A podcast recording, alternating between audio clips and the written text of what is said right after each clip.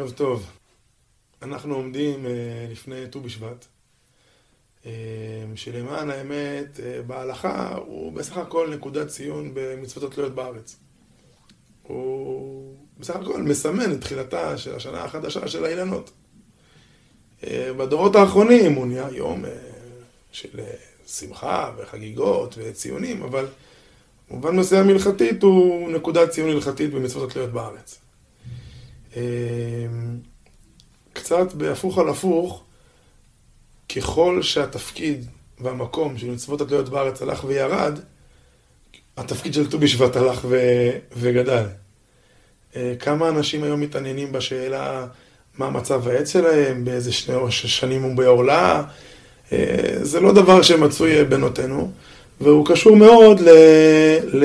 לפער שקיים גדול ומקיף בין העולם שלנו לעולמות אה, קדומים יותר, וזה הקשר שלנו, של כל אחד מאיתנו אה, לארץ, לעבודת הארץ, אה, וממילא למצוות התלויות בארץ.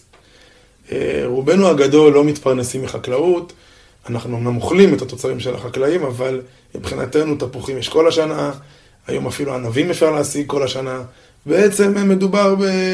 בעולם המודרני, אה, בוודאי בעולמות שיש בהם אה, יבוא וייצוא, הקשר ל, ל, לעבודת הארץ, לעבודת האדמה, אה, הוא הרבה הרבה יותר מצומצם של האדם הפרטי. וממילא גם התפקיד של מצוות התלויות בארץ, המשמעות שלהם בחיים, המקום שהן תופסות, הוא אחרת לגמרי. באופן פרדוקסלי, ככל שזה הלך וקטן, התפקיד של ט"ו בשבט הלך, הלך וגדל. אני רוצה היום, בדקות הקרובות, להציג שתי נקודות ש... שאומנם אה, אה, צומחות מ... מהארץ, אבל אה, אולי הן רלוונטיות אה, גם לעולם שלנו, ואולי אפילו לא רק שהן רלוונטיות, אלא כדאי מאוד להקשיב להן גם בעולם שלנו, אה, שהוא מנותק אה, באופן אה, יומיומי מעבודת הארץ.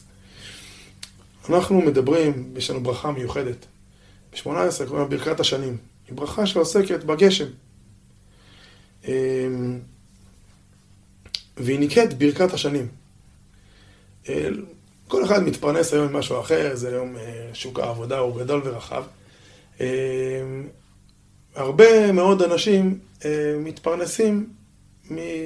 או באופן שלם או באופן חלקי, ממשכורת חודשית.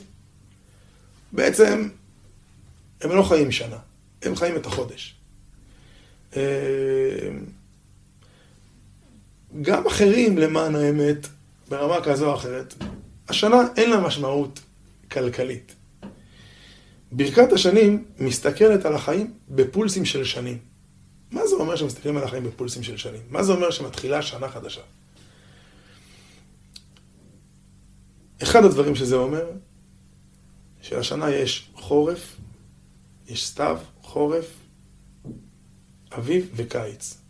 יש לנו עונת חריש, קציר ואסיף. אז ביום יום אנחנו לא חיים ככה. אבל אם לוקחים את זה ומזקקים את הרעיון הזה לרעיון כללי, זה בעצם לתפוס את החיים בתור תהליך עם עליות וירידות. תהליך עם שלבים שונים, והשלבים חוזרים על עצמם. מה שבעולמות אחרים, כאילו אנחנו, יש לנו ילדות, אה, נערות, בגרות וכולי, השלבים האלה לא חוזרים על עצמם. אבל להבין שהחיים מורכבים באמת מחרישה, זריעה, קצירה ואיסוף. וכשזורים, אז לא חורשים, וכשאוספים, אז לא חורשים, וכשקוצרים, אז קוצרים, ולפעמים יש תקופות כאלה ותקופות כאלה ותקופות כאלה. התמונה השלמה היא תמונה של שנה. עולם החקלאות מלמד אותנו להסתכל על החיים כמכלול שמורכב מעונות שונות. בחיים שלנו, טוב, בישיבה יש זמן חורף, זמן קיץ, אבל זה בגדול די דומה. בעולמות אחרים גם כן, אדם עושה כל יום אותו דבר. כל שבוע, כל חודש. להבין שהחיים מורכבים משנה שיש בה חרישה, זריעה, קצירה ואיסוף, היא משהו שעולם החקלאות מלמד אותנו על החיים שלנו בכלל.